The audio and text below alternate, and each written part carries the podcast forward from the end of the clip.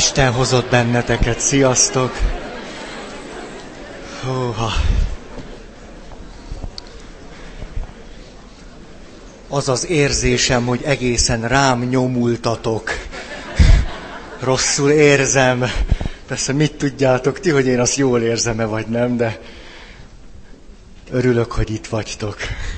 Na, gyorsan ismételjük át a múltkori alkalmat, mert hiszen eljutottunk oda, hogy megkülönböztessük a szoros kapcsolatot az intimitástól.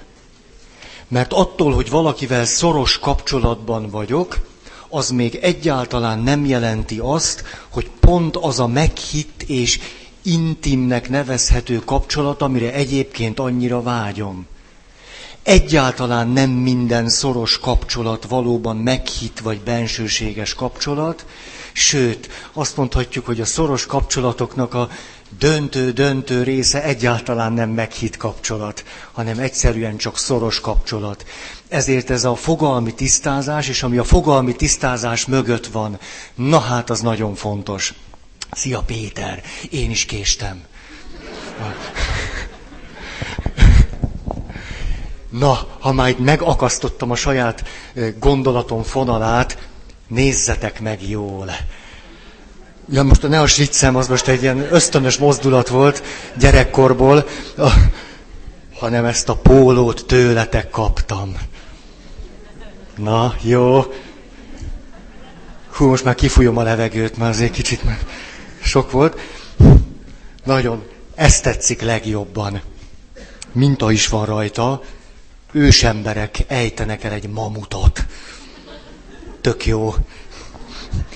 Na, tehát akkor gyorsan nézzük meg, hogy még mielőtt az, az intimitásba, meghittségbe belemennénk, azért óvatosan csak, hogy előtte a szoros kapcsolat és az intimitás, tehát a közelség és az intimitás közti különbségnek a tíz pontját. Azt mondja, az első pont, a közelség és intimitás nem egyenlők egymással. Ha, mehetünk is tovább.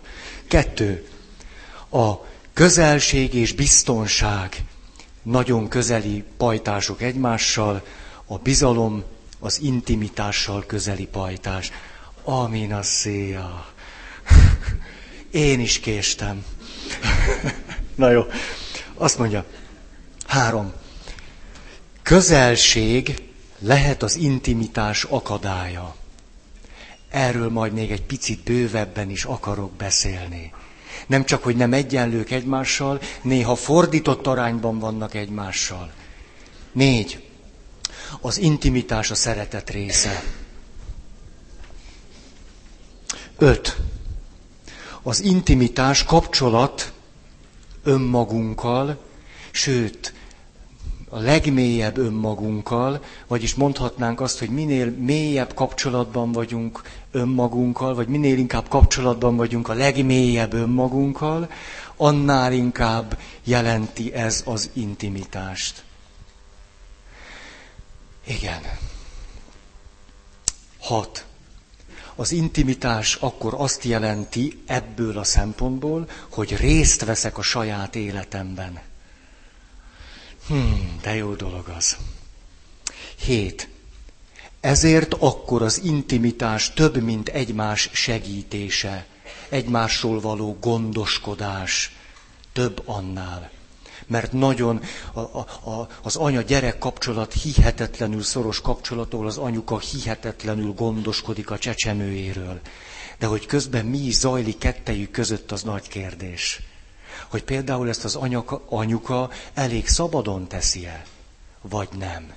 Nem hinném, hogy azért, mert egy, egy csecsemő anya kapcsolatot látok, arról rögtön azt kelljen gondolnom, hogy ez egy intim viszony. Már hogy volna az, hogyha az anya éppenséggel utálja a saját gyerekét, mert minek jött? Vagy azért, mert mondjuk már az apukával régen haragban van. Tudjátok, hogy a keresztelésre jövő anyukáknak milyen megdöbbentően magas százaléka apuka nélkül jön? Hogy én azt érzékelem, keresztelek évente mondjuk százat, hogy abból a százból öt-hat olyan anyuka, amikor már a gyerekét kereszteljük, már nincs is apa. Hops. Nagyon nagy kérdés akkor például, hogy azzal a gyerekkel való viszonya valódi meghitt viszonya, vagy, mondom az egyik irányt, vagy arra a rohadt férfire emlékeztet, és már most elkezdem rajta leverni ezt az egészet, vagy pedig azt mondom, ha már nincs férfi, legalább van baba. Ugye? És akkor egy jó függő kapcsolat, már most kezdem őt láncolni magamhoz. Egyiknek sincs köze az intimitáshoz. Tehát azért, mert látok egy anyát egy kicsi csecsemővel, ki tudja, hogy az mi. Megfáztál. Javul az allergiátok? Kicsit jobban vagytok? Október az már egy kicsit jobb, ugye? Jó van. Azt mondja, az intimitásban ezért van valami szakrális. Erről szeretnék beszélni, de majd nem tudom, hogy ma jut rá idő. Kilenc.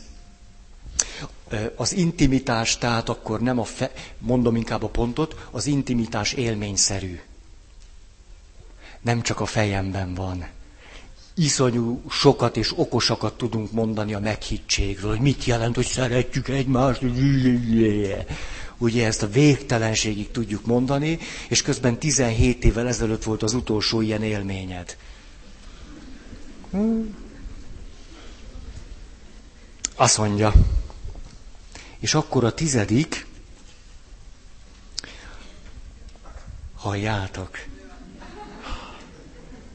ez kezd hozzá tartozni a találkozásainkhoz. Tök jó, és még mindig ugyanazt gyakorolják. Hát mikor tanulják már meg? Az alkalom után menjen már valaki, segítsen nekik. Hát, na. És akkor a tíz, akkor ez azt jelenti, hogy önmagam lehetek egy másik, másik emberrel való kapcsolatomban. És az által, a kapcsolat által is. Tehát, hogy az intimitás azt jelenti, hogy önmagam lehetek egy másikkal való kapcsolatban, és egy kapcsolat által. Jó, ez a tíz pont volt idáig, amikor a szoros kapcsolat és a meghittség közti különbség alapján beszéltünk az intimitásról, és akkor most leíró jelleggel a, egy picit a, me, a meghitt kapcsolat leírása, abból a szempontból, hogy milyen eh, készségekre, adottságokra, hát volna szükségünk ahhoz, hogy egyáltalán képesek legyünk a meghitt kapcsolatra. Illetve, hogy mit jelent valójában a meghitt kapcsolat, hogyha azt afelől nézzük, hogy mit kellene nekünk azért tenni kölcsönösen, hogy az valóban meghitt kapcsolat legyen. Ezért most amiket elmondok, ez azt hiszem 18 pont, gyors leszek mint a csótány, mikor fölgyújtod a lámpát. Nekem ez permanens katona élményem. Tehát a katonaságban megtanultam a gazkapitalizmus ellen hadat viselni, és csótányt írtani. Erre a kettőre szocializáltak ott. Mind a kettőben komoly eredményeket értem el. Körülbelül annyi eredményt értem el a csótányírtásban, mint a kapitalizmus megdöntésében. Ebből is látszik, hogy a csótányok milyen gyorsan futnak, ha fölkapcsoljuk a villanyt. Tényleg, akinek erről nincs elemi élmény, az nem tudja, hogy mi, mert hogy véletlenül egyszer egy csótányt láttál, az nem élmény. Az, amikor kisbuci éhesen kimész a sötét konyhába, baromi éhesen, és fölkapcsolod a villanyt, és az asztalról ugranak le. Na, az az élmény rögt, rögtön meggondolod, hogy jobb lesz a soványan is. Ne?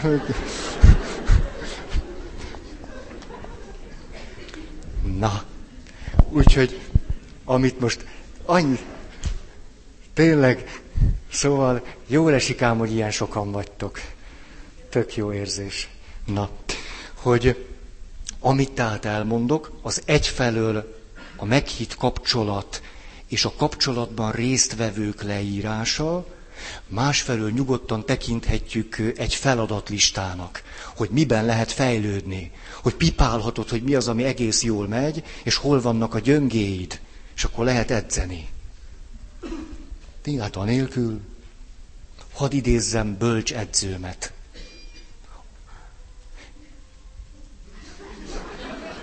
Azért, tudjátok, én egy Rita, szerbusz, én is késtem ma. ma. Szóval, na, bölcsedzőm, mikor filozófiai magasságokba jutott, ezt akkor szokta megtenni, amikor én viszont nem ugrottam jól, ugye hát legalább ő ment a magasságok felé, azt mondta, ide figyelj, Feri, a semmiből nem lesz semmi.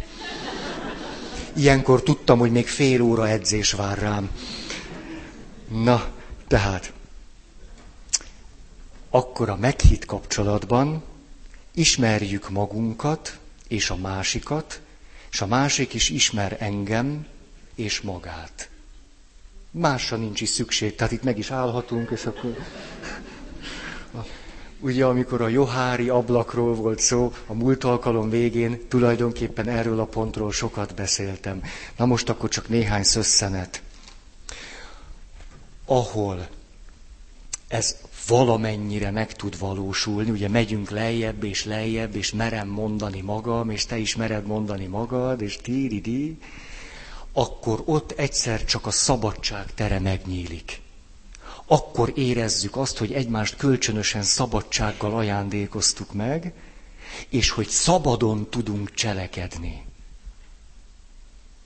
Amikor minden energiámat arra kell fordítani, hogy te meg ne tud rólam, hogy én ki is vagyok valójában, akkor ott a szabad cselekvésnek nem sok tere nyílik a szabadság élményét pedig egyáltalán nem tudjuk egymásnak ajándékozni. Na, na. És abban, hogy ismerem magam, hát amennyire éppen most. Tehát ebben az a szép, Nyilván erről hát nektek is ezer élményetek van, hogy persze, hogy mindig sokkal mélyebben ismerhetjük meg magunkat, meg egymást, de hogy egy kapcsolatban az a szép, hogyha én most egy picit mélyebbre megyek, és egy picit átlépem a saját határomat, a félelemnek a határát, a szorongásét, a, a szégyenét, annak a rettegését, hogy mit fogsz majd szólni, hogyha én elmondom magamról azt, hogy, mikor ezeket a határokat sikerül átlépni, és valamit mondani, akkor ott lehetőség nyílik az intimitásra. Tehát nem kell mindig a legmélyére menni, hanem hogy ebben a folyamatban, hogy megyünk le, annyira szép, hogy mindig egy-egy lépés meg tud bennünket ezzel ajándékozni. Ó, tehát nem kell rögtön tökéletesnek lenni, ebben ez a jó. Ezért vannak olyanok, akik ilyen, hogy is ilyen, ilyen, ilyen ismerkedésfüggők, meg, meg szerelemfüggők, meg, meg romantika függők, meg ilyen. Azért, mert ott viszonylag rövid időn belül nagyon sok ilyen lépés lehet megtenni és az elbűvöli őket. Hogy iszonyú jó, hogy nem ismerlek ma, este még, és az éjszaka alatt 25 kis lépés. Hát ez iszonyú jó. De amikor már 25-nél vagyok, ott már kicsit nehezebb lesz tovább menni. Ugye? Ezért gyorsan feküdjünk le. Ezzel tudjátok, mi a baj? A másnap reggel. Ott sok mindenre fény derül. Sok kis lépésből. No, hogy akkor ez most ki itt mellettem? Rosszabb esetben ezt el is mondom. Végül is hogy kerültem ide? Vagy hát szóval erről sok film szól, ezeket érdemes megnézni. Tényleg, hát... Na, valamivel csak el kell ütni az időt, ez az élet olyan nem olyan terhes tud lenni. Hát akkor beülünk egy moziba. És...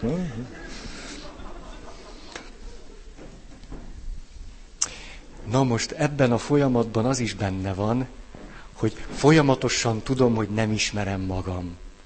És azt is, hogy nem ismerlek téged. És hogy ez folyamatosan része a kapcsolatunknak, annak az alázata, hogy beismerem, hogy úgy sem ismerlek teljesen téged, ez sohasem fog megtörténni, ezért mindig nyitott vagyok arra, hogy valamit megmutas magadból, nem az előítéleteimmel és az elvárásaimmal fedlek be téged. És az érvényes önmagamra vonatkozóan is. Hmm. Egy csoportban ültem néhány napja, és a következőt mondta az egyik asszony, 30 éves elmúlt, jó fej. Következőt mondja. Tényleg? Miért ez a kettő mások így együtt? Vagy nem értem. Azt mondja, hát, mert az volt a kérdés, annyira jókat tudok kérdezni, mindenki mondja el, hogy az elmúlt hónapban mi volt neki a legfontosabb. Jó kis kérdés, nem? És akkor ez az asszony a következőt mondja. Hát nekem az volt a legfontosabb, hogy eddigi életem során két dolgot gondoltam magamról, hogy nagyvonalú vagyok és jó fej. Az elmúlt hónapban kiderült, hogy egyik se.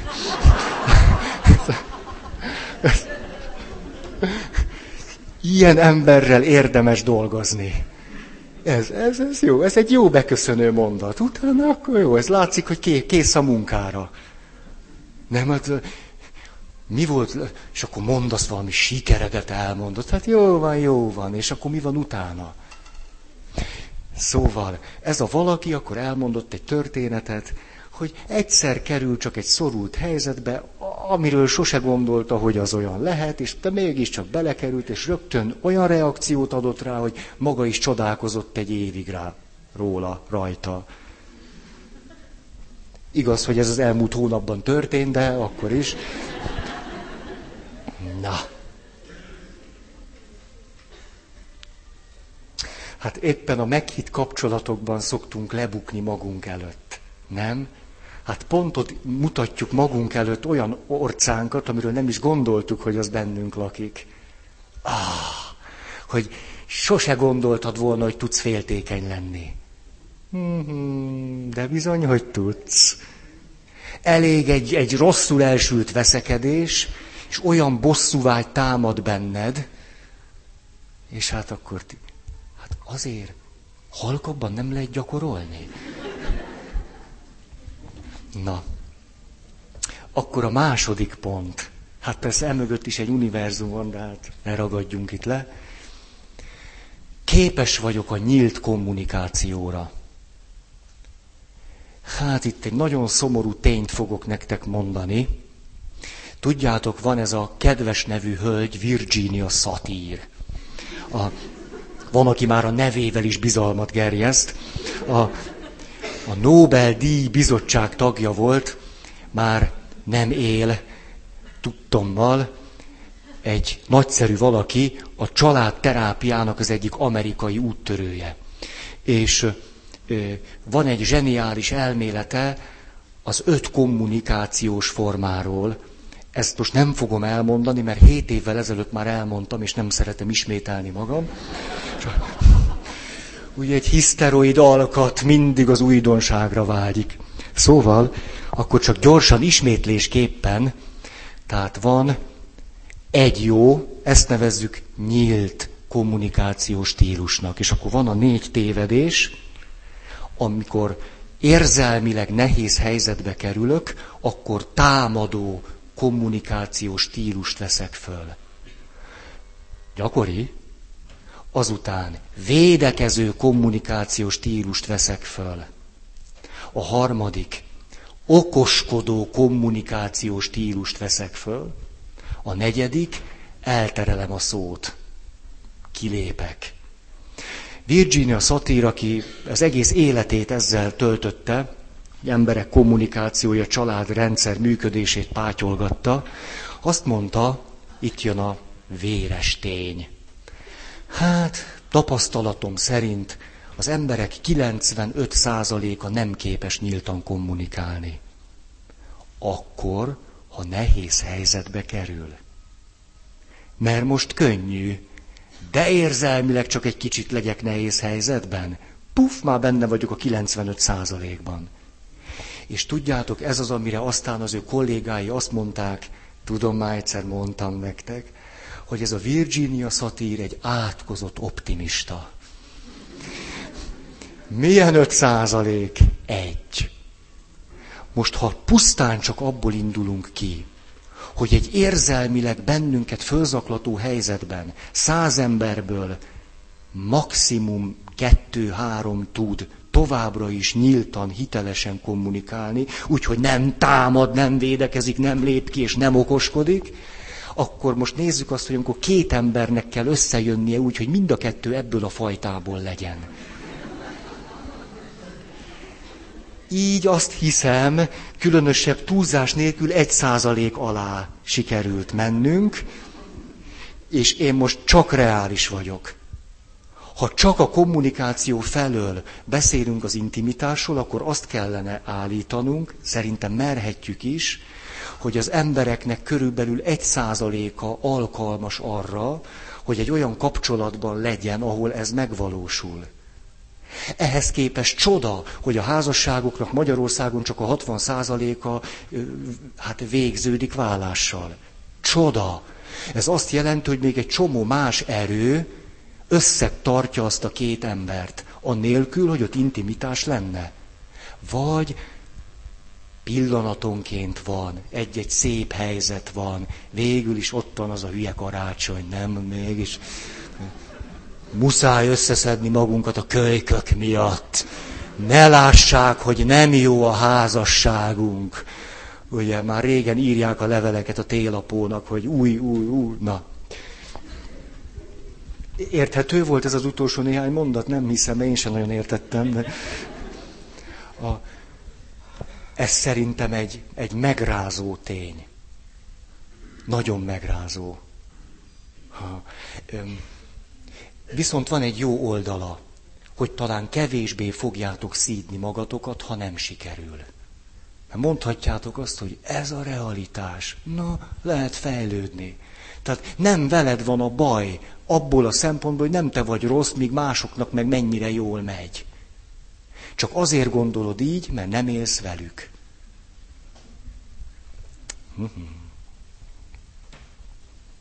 A, hát akkor ide érdemes volna hozni a veszekedést.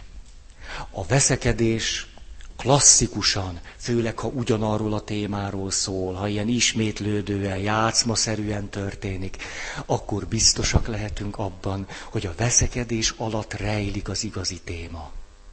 De lehet, hogy kettővel, hárommal is alatta. A veszekedés remek alkalom és mód arra, hogy az igazi témáról ne beszéljünk. Ezért, hú, ha valaki képes a nyílt kommunikációra, akkor az az ember mer konfrontálódni, de viszonylag keveset fog veszekedni.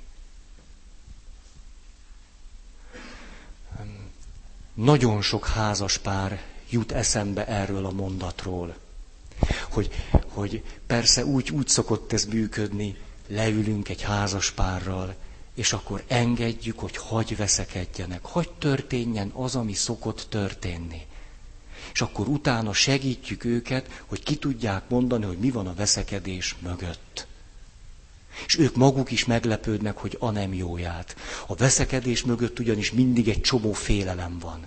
Rengeteg. Amit nem merünk átlépni. A, a kommunikációról hihetetlen sokat lehetne beszélni, de most, most nem, nem ez a tisztem. Minden esetre még egy megjegyzés, hogy ugye, hát ezek, szóval fizethettek rengeteg pénzt azért, hogy elmenjetek egy ilyen kommunikációs izére.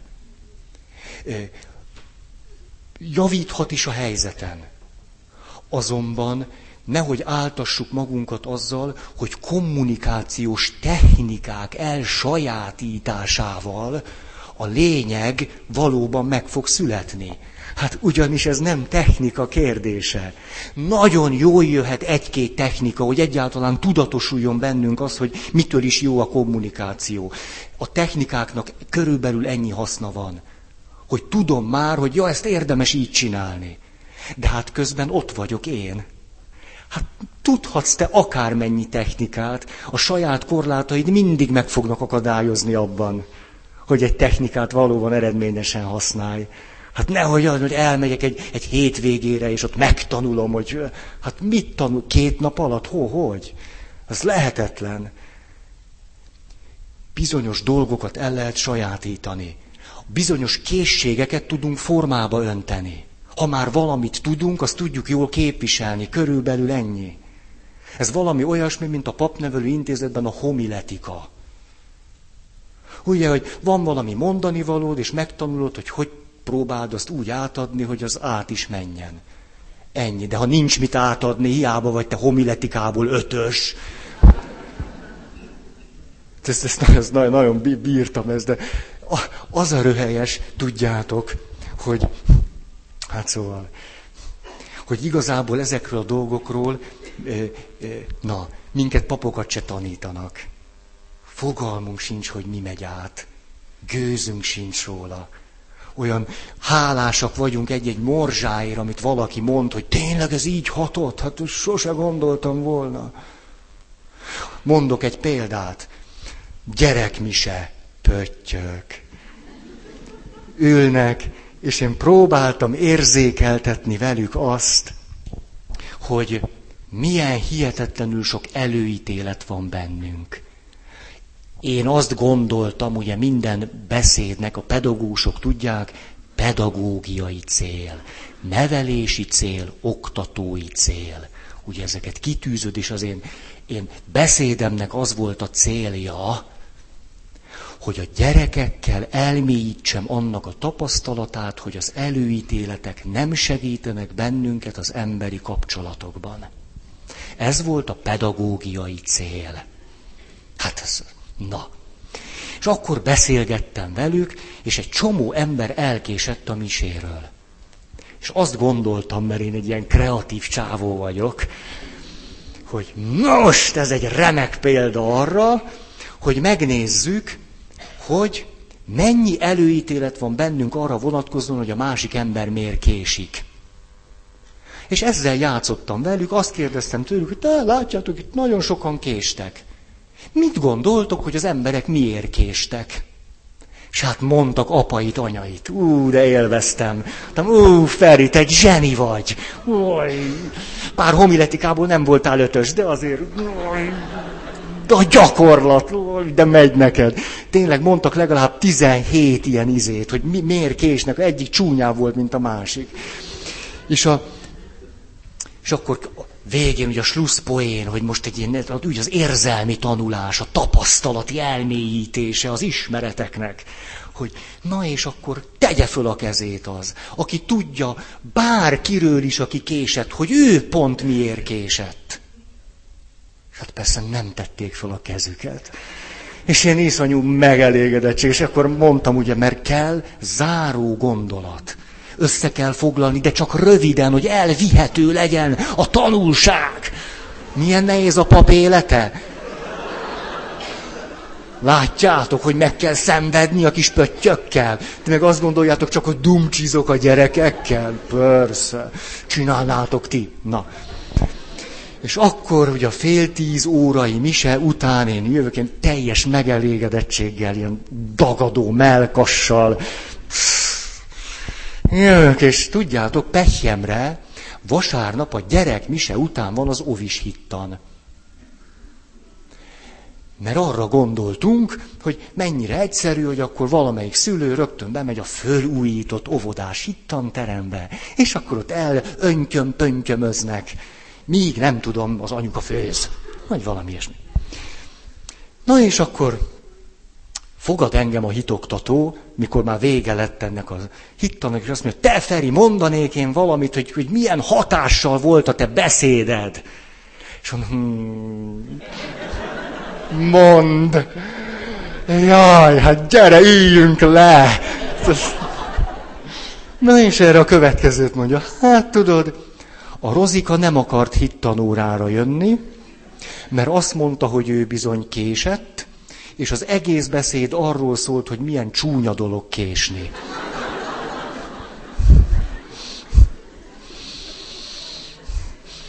Hát, látjátok, meggondolatlan papi tevékenységemmel majdnem elijesztettem Istennek egy báránykáját a gyülekezetből. Na, ez, ugye onnan jutottam el, hogy fogalmunk sincs, hogy a másikban mit kelt az, amit mondunk. Én nekem gőzöm sincsen, csak itt tippelgetünk. Úgyhogy kommunikáció, ó, ó. Három. Eszméletlen meleg van. Ez nem a harmadik pont, de most a szolgalelkűek húzzátok ki. A... Hát Feri, hogy fogsz ezután hazamenni? Hát nyomorult, hát mit csinálsz ezekkel a rendes emberekkel? Jó van, ezért jött, hogy őket. Most dialogizálok magammal, mert ez a harmadik pont. Meghitt kapcsolatban vagyok magammal. Ez a harmadik pont. Ha. Van-e olyan élményetek, férfi-nő kapcsolat főleg, hát az nem, mégiscsak, nem, hogy az az él... Na, na, az az élményed, hogy valami hiányzik. Volt már ilyen tapasztalatod? Hát na, na, jó, jó, meg minden, valami hiányzik. És akkor erre most megint egy választ hadd adjak, hogy mi az, ami hiányzik. Te. Úgy egyébként jól működnek a dolgok, csak te nem vagy benne. Rendesen, eléggé. Az hiányzik. És az intimitásra vonatkozóan van egy hihetetlen erős téveszménk hogy az intimitás azon múlik, hogy a másik milyen. Hogy ő így... Mm. Ha én önmagammal nem tudok egy meghitt viszonyban lenni, úgy, úgy egyáltalán, tehát nem, a, nem egy kapcsolatban, hanem úgy egyáltalán, akkor hogy a fenébe tudnék valaki mással meghitt kapcsolatban lenni? A téveszménk az, hogy bár önmagammal nem vagyok meghitt kapcsolatban, de veled ez menni fog. Hát miért menne? Mi, mitől nem megy? Attól még az nem megy. A szerelem sok mindenben segít. Ez kétségkívül így van.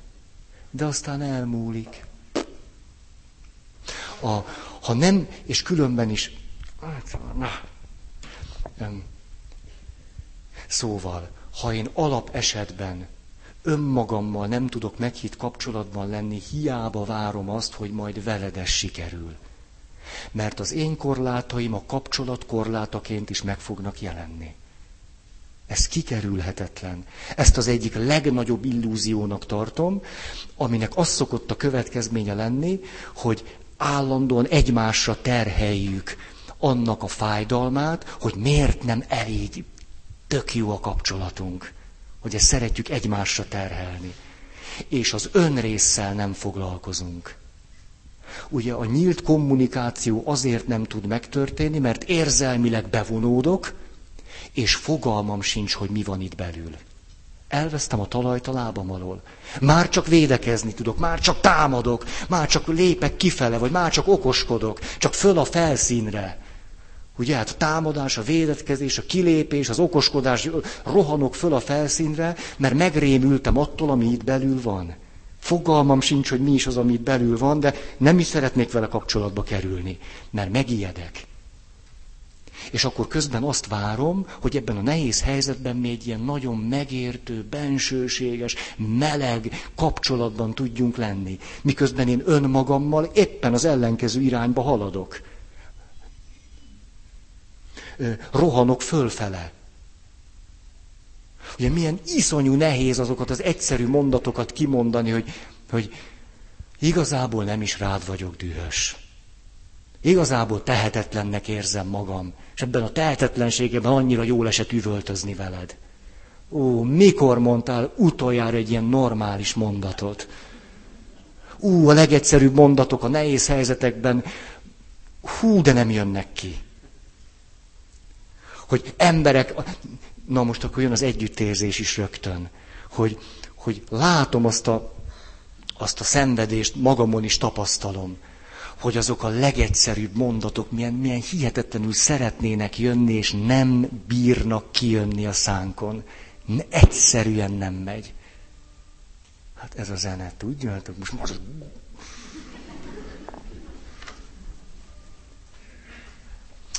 ha, a nyílt kommunikáció, meghitt kapcsolat magunkkal, megint a gyerekbeszéd, mert a gyerekekkel beszélgettek, beszélgetünk, akkor nagyon gyorsan, igen érdekes helyzetekben találhatjuk magunkat. A következő történt. Beszélgetek az egyik, beszélgetek a gyerekekkel, és akkor azt kérdeztem, hogy szerintetek van-e olyan valaki, akit a jó Isten nem szeret? És akkor jelentkezett egy fiú. És azt mondja, a jó Isten azokat szereti, akik vasárnap templomba mennek, meg valami mást is mondott, de már azt elfelejtettem, mert ő volt csak ennyire katolikus. Szóval...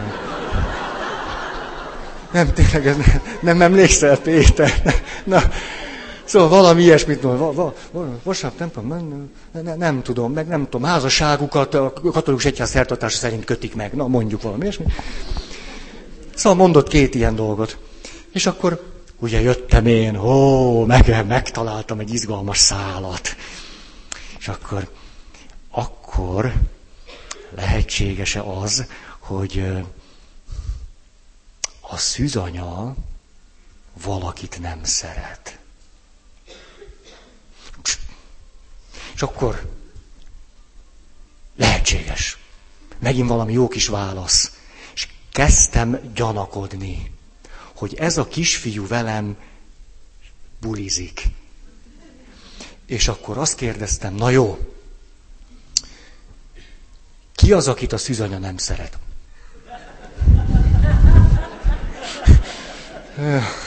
Azt mondja, azt, aki a sátánt tiszteli. Durva, nem? Tehát egy ilyen teológiai bonyodalomba keveredtem. Tíz éves a kisfiú egyébként. Nem több. Jó, most tudta, hogy kell beszólni. És, a... és erre én próbáltam menteni a menthetőt. Azt mondom, uh-huh, hát akkor mit gondolsz, te kis pötty? Hogy vajon Kinek van szüksége nagyobb szeretetre? Annak, aki a sátánt tiszteli, ami azt jelenti, hogy elvesztette a józan eszét, vagy aki egy ilyen normális, átlagos, rendes ember. Annak van, aki egy normális, átlagos, rendes ember. Na most, ez volt az a pont, ahol nagyon komolyan önmagamba kellett nézni, hogy Feri, most mi történik veled? Itt benn, most, most mi, mi történik? Most, ke, most kezdtél iszonyú ideges lenni.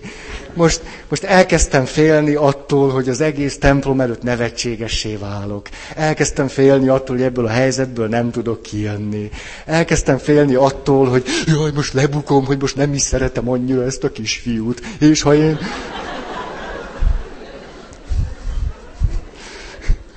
Na, aztán valahogy hogy végigment ez, hogy jó fel, hogy én hol vagyok. Ugye, mert a kisfiú hol van, azt én tudtam. De mi lejjebb is lesz. Nem az a kérdés, hogy én hol vagyok, ugye, hogy én, hogy velem mi történik most. Hát ez a kérdés. És a, nem azt, hogy mit gondolok, hogy ti mit gondoltok, amikor én ezt csinálom, hát mert akkor ugye ezek. Na, és akkor azt mondtam neki, annyira büszke vagyok magamra, azt mondtam neki, te most itt ülsz a barátaid között. Látom, hogy te élvezed ezt a beszélgetést, meg vagy erősödve itt a barátaid társaságában. Szerintem te most húzol engem. És erre olyan aranyos volt az arca, így elpirult.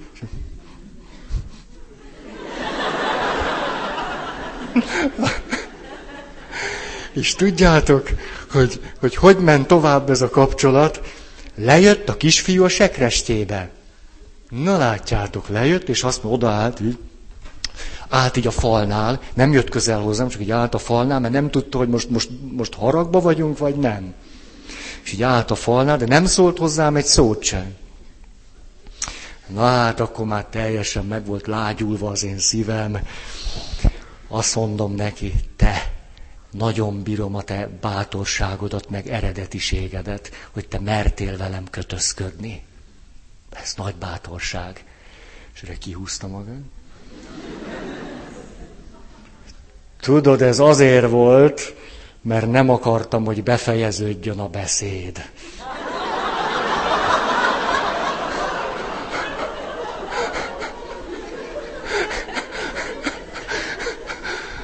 Hát látjátok, ez az elismerés. És ezt az egészet azért mondtam el, hogy, hogy hát milyen könnyű egy ilyen helyzetet teljesen agyoncsapni a, az agresszióval, a minősítéssel, az előítélettel, meg mindennel. És hogy ennek a helyzetnek a kulcsa az volt, hogy amikor már kezdtem elveszteni a talajt a lábam alól, meg kezdtem elveszteni, hogy rájöttem, hogy én most magamtól kezdek iszonyú messze lenni, és vissza kell jönnöm ide, hogy tudjam, hogy mi van. Ó, meg könnyű minősíteni a helyzetet. Az van, hogy ez a büdös kölyök túl sok teát ivott, aztán most dögöljön meg az összes pszichokémiai starter. Ezt tudjátok, a tea, pszichokémiai starter. Mit szóltok? Nagy dolog a szakirodalom. Az ember rögtön biztonságban van ebben a világban. Az, hogy tea, nem élhetünk ilyen fölszínesen. Na, na, jó van, Feri. Szóval, hogy, hogy meghitt kapcsolatban, ha nem tudok magammal lenni. Ami azt jelenti, hogy, hogy tudok lejjebb és lejjebb menni a saját belső világomban. Hogy erről van tapasztalatom, hogy vannak gyakorlataim, hogy leülök, erre szánok időt, hogy tíri, rengeteg gyakorlás, irgalmatlan sok akkor nem várhatom azt, hogy majd valaki, vagy egy valakivel való kapcsolat ezt az én nehézségemet egy csapásra megoldja. Miért oldaná meg? Lesznek varázslatos pillanatok, a szerelem néha segít, mit tudom én. Na jó. Úgy fogalmaztam ezt meg, az intimitás nincs rajtam kívül. Az intimitás nem csak valami, amit létrejön, az itt bent van. Hát akkor ugye, jó, jó, jó. Ezért, most egy fontos mondatig jutottunk, ezért a függés, a függő kapcsolat, a társfüggés kizárja az intimitást. Mert ha én függő kapcsolatban vagyok, akkor, akkor minden energiám arra fordítódik, hogy ne legyek itt otthon magamnál, mert az neked talán nem fog tetszeni. Akkor minden energiámmal próbálok olyan lenni, hogy neked azt tessék, és ezáltal ne veszítsem el a kapcsolatot. Másrészt pedig a másik fele energiámmal meg arra fogok fókuszálni, hogy téged kontrolláljalak hogy próbáljalak téged birtokolni, és keretek közé szabni, és ellenőrzés alá vonni, és a többi. Két irányba elmegy az összes energiám, hogy birtokoljalak, kontrolláljalak téged, és hogy ne legyek hitelesen az, aki vagyok, mert mind a kettőnek az elmaradása az félelemmel tölt el, hogy a kapcsolatunk sérül, és elhagysz engem, vagy nem fogsz szeretni, vagy majd nem erősítesz meg, vagy nem kapok majd tőled nem tudom én milyen előnyöket. Ezért van az, hogy a függés bár hihetetlenül szoros kapcsolat, éppen az ellenkező oldalon van, mint az intimitás. Ennél gyorsabban, egyszerűbben ezt nem is tudom elmondani. De hát ez, mi, hú, fú, de fontos ez. És akkor itt egy másik fölismerés. Mindig szoktunk arról beszélni, hogy valaki függő helyzetben van szertől, másik embertől, mit tudom én mitől. És kiszoktunk valamit hagyni. Az ember bizonyos értelemben függő helyzetben lehet önmagától. Az is lehetséges. Függő viszonyban vagyok magammal.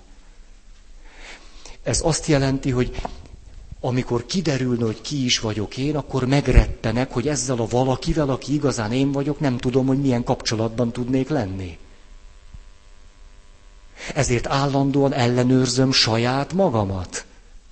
És próbálok magamról föntartani egy képet, amit ellenőrzés alatt tartok, és amit én magam el tudok fogadni. És amikor valaki görcsös kézzel próbálja ezt a vala, valamit, valakit magáról kitalálni és csinálni, akkor teljesen elmegy minden lehetőség, hogy igazán az legyél, aki vagy. Hű, de szép dolog az, mikor, mikor valaki képes megrendülni attól, hogy ki is ő, hogy, hogy micsoda mélységek vannak benne. Ú, hogy micsoda sötétségek vannak bennünk, micsoda árnyékunk van. Ó, hogy is van az, hogy a árnyék mögött fényragyobb, nagyobb mögött még nagyobb, amit nézek, az vagyok. Nem néztem. Vörös Sándor? Ja, te kérdezted. Ki?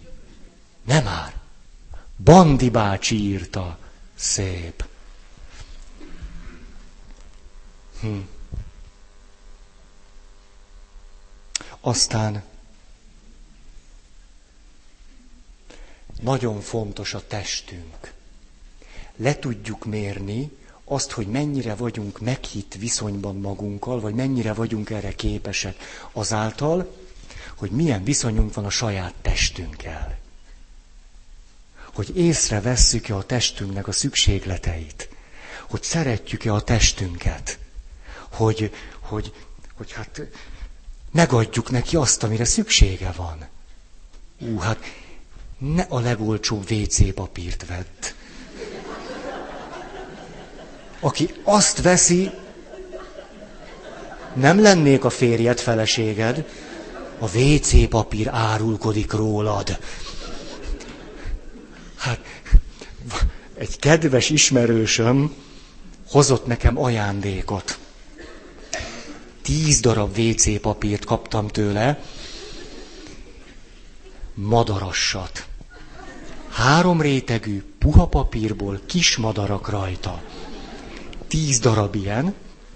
Hogy miért pont ezt, majd elmondom. De a, a másik pedig, hát, mint a zsuzsannának ottan a, a, a felső része, ilyen barack színű, barack illattal.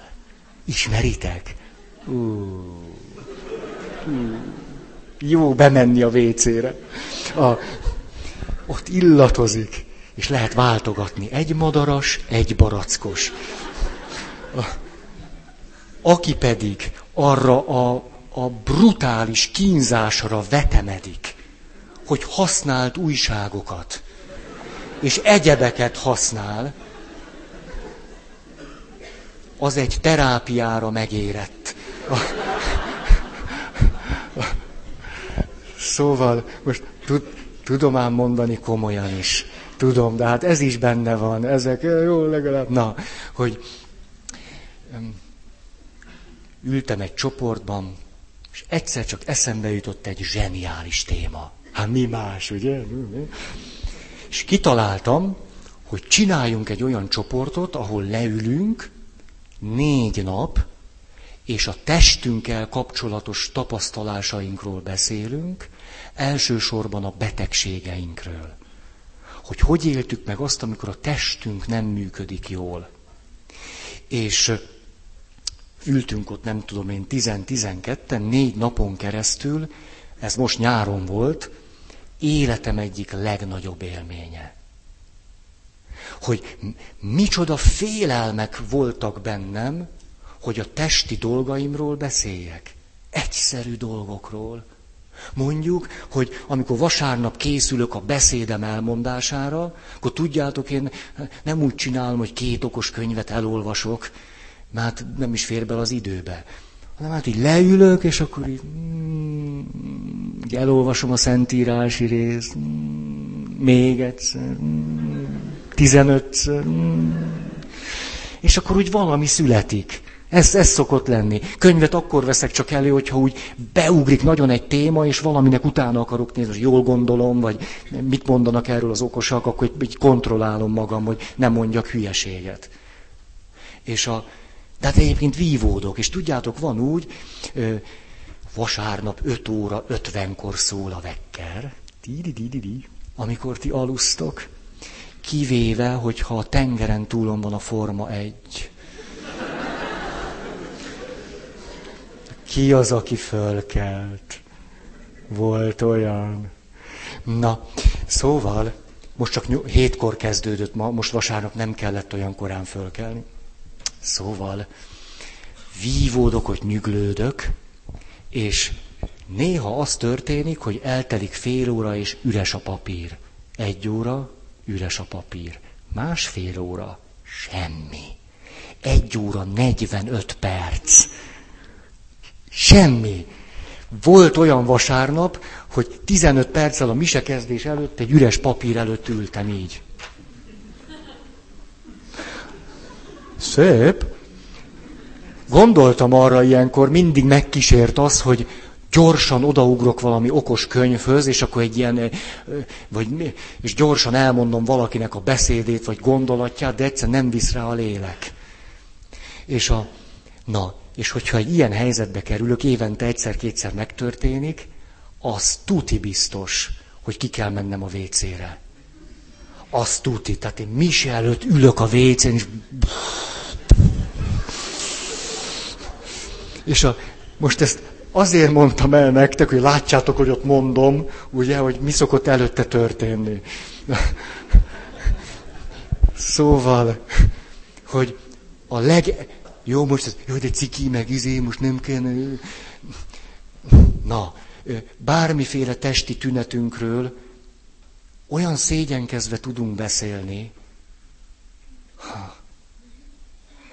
A, Na, az a kérdésem, hogy ez a szégyenkezés, ez, ez csak te előtted van, vagy magam előtt is? Hogy én magam előtt is szégyenkezem el. Na, nem, nem ragozom ezt. Szóval a, a testemhez való viszony.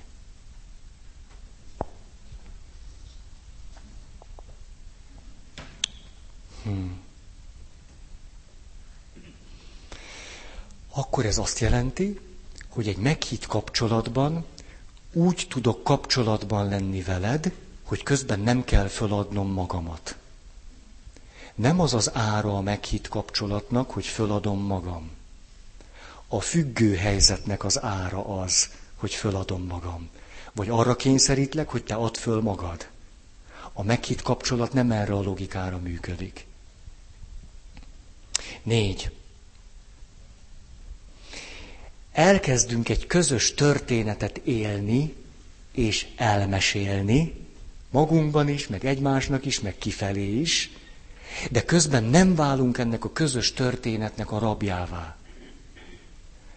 A Hanvas Béla ezt úgy mondta, vannak emberek, akik a saját élettörténetük rabjává váltak.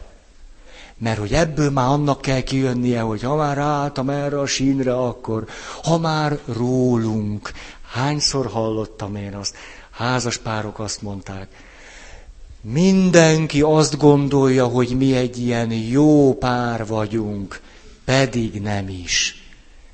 Hogy bár mindenki azt gondolja, hogy mi vagyunk az ideális katolikus házaspár, aztán közben nem is.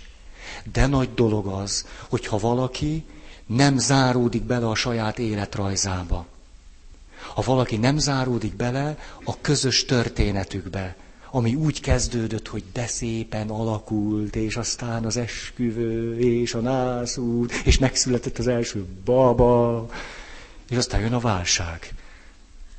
És ha valaki bezáródik a közös életút elmesélésébe, hogy mi vagyunk ez a szép kapcsolat, akkor annyi nekik. Ezt gyorsan elintéztem azt mondja, a meghitt kapcsolatban tudunk várni, hogy a kapcsolat fejlődjön a maga természetes útján. Nem siettetjük. Hadd fejlődjön úgy, ahogy az fejlődni akar. De közben persze hitelesen kifejezhetem a vágyamat arra nézve, hogy találkozzunk többet. A, az intimitás nem érhető el praktikákkal. Ahogy kommunikálni nem lehet jól ha megtanultam a kommunikációs stílusokat, az csak egy eszköz a kezemben, hogy amit egyébként tudok, azt képes legyek kifejezni. Ugyanúgy tudhatok én, tehát én a lányokat annyira bírom. A, nálunk a minisztráns vezető az egy húsz éves lány. És ez annyira jó, húsvétkor, ugye nagy minisztráns próba. És akkor én elmondom, hogy mit, hogy kell csinálni az én férfi agyammal.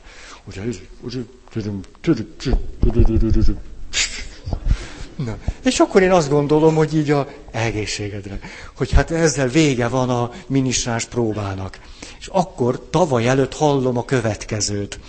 Volt még a szertartás, vagy szóval a, a, a próbából még 20 perc, de előbb végeztünk. Én nagy nyugodtan gondoltam, most megyek haza, és akkor hallom, hogy ez a 20 éves lánya következőt mondja még sekrestjében álló minisztránsoknak. Na most akkor figyeljetek, én elmondom a praktikákat. És akkor ő elmondta azt, hogy, és végül is az egészet hogy is kell megcsinálni. Szóval, hogy min is múlik az, hogy úgy legyen, ahogy én mondtam. Zseniális, nagyon, nagyon, nagyon tanultam, tanultam ettől a lánytól. Na, tehát értem én, hogy Zsuzsi, allergia? Is. is, is. Igen, mert már majdnem fagy éjjel, vagy hajnalban, hát úgy könnyű megfázni. Szóval, na, bár ilyenben sosem vettem részt, de nagyon együttérző tudok lenni, amikor barátnők praktikákat osztanak meg egymás. Ez barom izgi lehet, nem tudom, ebbe a státuszba még sose kerültem. De, na hát szóval, de hát, hogy ha én ettől várom azt, hogy majd a kapcsolatunk folyamatában elmélyül és meghitté lesz, hát... Hmm. Tehát, hogy mondják azt a harisnyanadrágot, ami ilyen kötős, meg ilyen, hogy? Combfix. Valamit most megtanultam. Tehát a combfix nagyon be tud jönni egy pasinak, de ettől várni egy hosszantartó, meghitt kapcsolatot.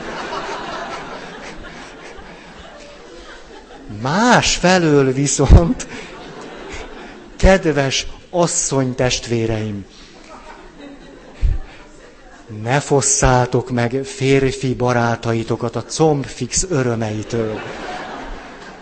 Hát, gondolhatjátok magatokban, hogy ilyen primitív, hát akkor annál inkább, hát miből áll az neked?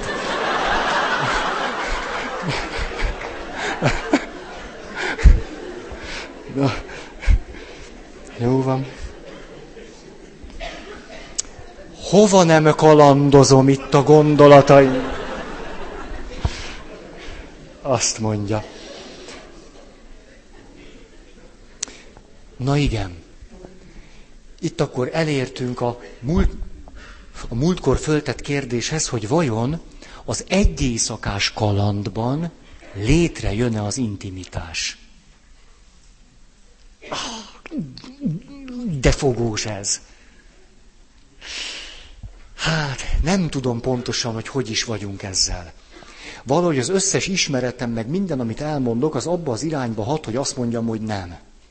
Hogy nem. Mert az intimitásnak része a folyamat jelleg, az elköteleződés, egy csomó minden. Azonban, na, azonban valami, valami azt hogy ne zárjuk ezt le ennyire egyszerűen. Mert mintha nekem sosem volt még egy éjszakás kalandom. Soha, tehát egy nagy tapasztalat birtokában, most ezt elmondom, hogy hogy van. Szóval. De most ha kihívnék, hogy vagy valaki kijönne, akinek sok ilyen volt, és...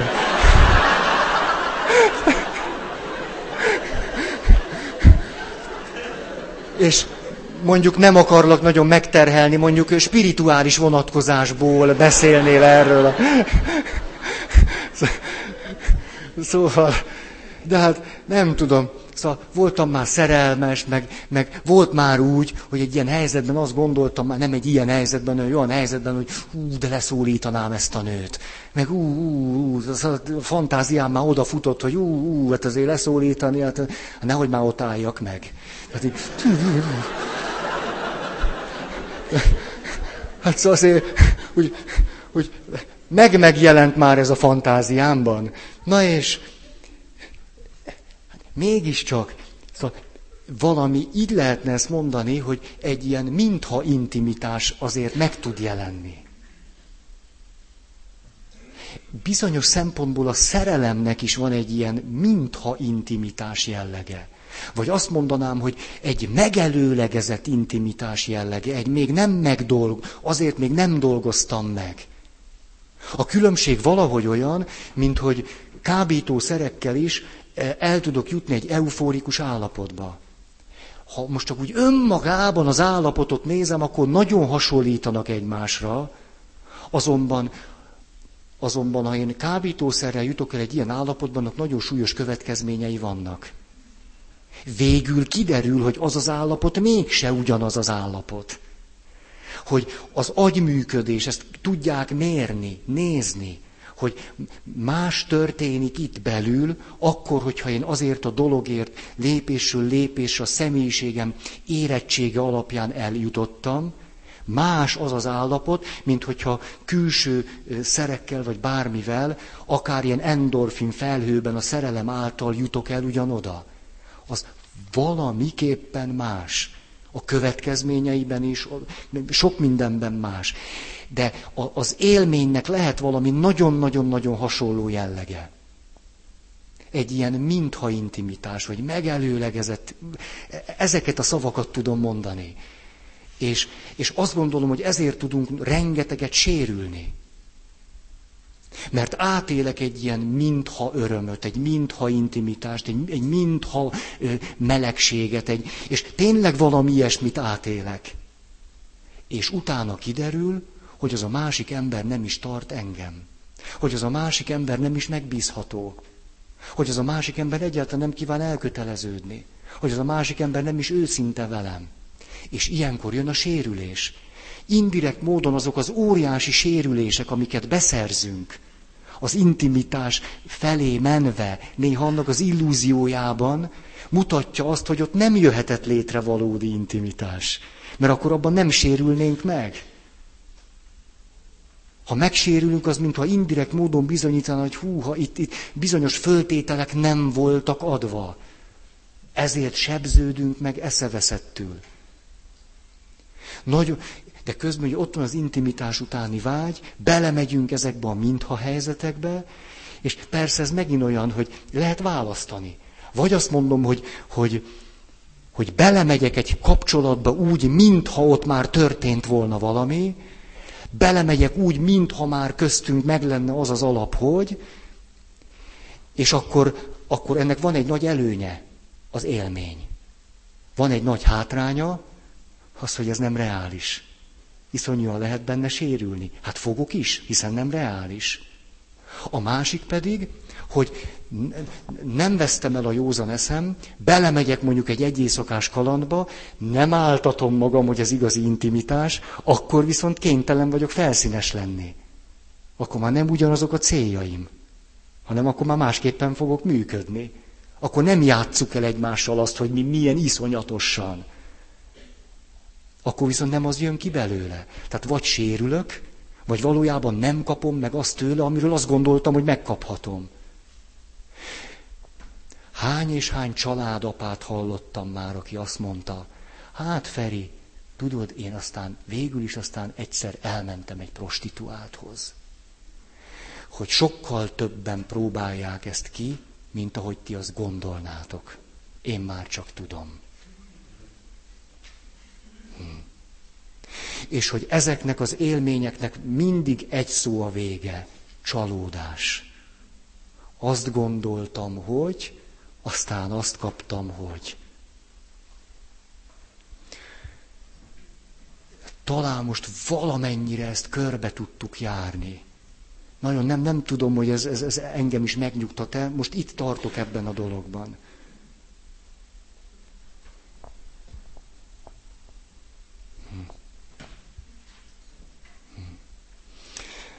Az, hogy én tudok várni, hogy egy kapcsolat fejlődjön a maga természetes útján, ebben benne van az, hogy nem kívánok irányítani, hanem hogy közösen valami történik velünk. Ez persze nem azt jelenti, hogy én, én, én el, elhagyom ott magam, hanem azt, hogy csak elmondom, hogy én mit szeretnék, vagy szerintem mi lenne jó, vagy nekem milyen céljaim vannak, de közösen jön létre az, ami végül is lesz. Tudom, ez most közhelyszerű, de milyen nehéz megvalósítani. És akkor itt egy másik, szerintem izgalmas mondat. Nagy kísértés az, hogy a kapcsolatainkban az általam elgondolt következmények alapján cselekedjek. Ez nagy kísértés. Nem azt mondom, hogy én most dühös vagyok rád. És közben meg ez szégyellem is. És a fene meg olyan jó lenne, hogyha jóba lennénk. Nem ezt mondom. Most elvesztettem a fonalat. Mi, mi, miről beszéltem? Ja, következmények. Ez nagyon a tudat alatti néha közbeszól. Most azt járja maga útját. A, hanem, hanem arra gondolok, ha én most azt mondom neked, hogy dühös vagyok rád, akkor te meg fogsz ijedni. Vagy te akkor egy érzelmileg nehéz helyzetbe kerülsz, és a támadó kommunikációs stílust előveszed majd, és visszatámadsz. Akkor nekem most nincs kedvem azt mondani, hogy dühös vagyok rád. Ezért inkább azt mondom, nem történt semmi. És már is a felszínen tapicskolunk. A sokkal jobb lenne, ha azt mondanám például, hogy nagyon dühös vagyok rád, és tudod, azért félek ezt kimondani, mert azt gondolom, hogy te majd most ezt magadra veszed, és dühös leszel rám. És hogy emiatt félek kimondani, hogy dühös vagyok rád. Na, hát ez már valami, akkor mentem még egyel beljebb.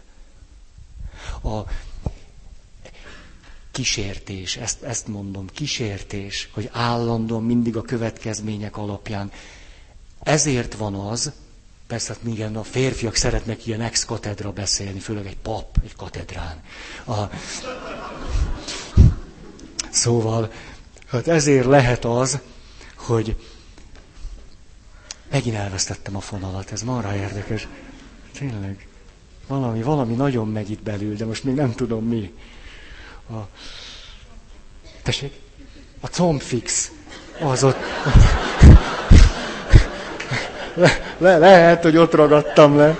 Tényleg. Na.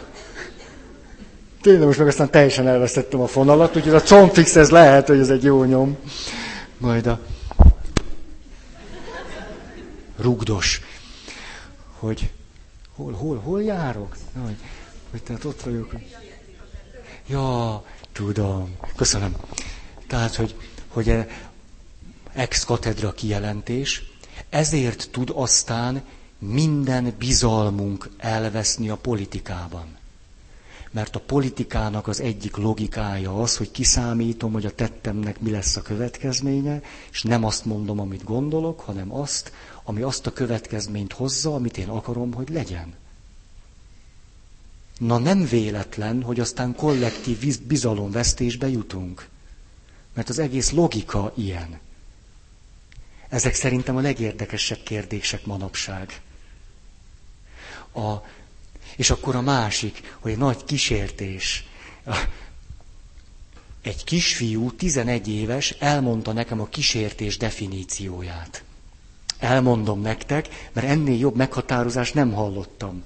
A következő, ezt kérdeztem tőlük, hogy mi az a kísértés. És akkor a kisfiú jelentkezik, úgy hívják, hogy á, de nem, nem mondhatom ki, a személyiségi jogok miatt. Azt mondja, de így mondta, a kísértés az, amikor már késő este van, és én iszonyú fáradtan fekszek az ágyamba. És az ágyamban a fejem alatt van a kedvenc párnám, és magamra húztam a meleg paplant, és már félálomba szenderültem, és akkor eszembe jut, hogy a fogszabályzót elfelejtettem berakni. Ez a kísértés pillanata. Zseniális. Tehát ez, ez, tudja, hogy miről beszélünk. Na, tehát azért használtam ezt a szót, hogy kísértés, mert tényleg ott abban a pillanatban minden arra buzdít bennünket, hogy ne. Hát csak őszintén ne, csak nyíltan ne, csak egyenesen ne. Mert mi lesz majd akkor? Hat. Megérett megy. Mert lejárt az idő, most nézem. Hú. Köszönöm a figyelmeteket. Van-e valakinek hirdetni valója?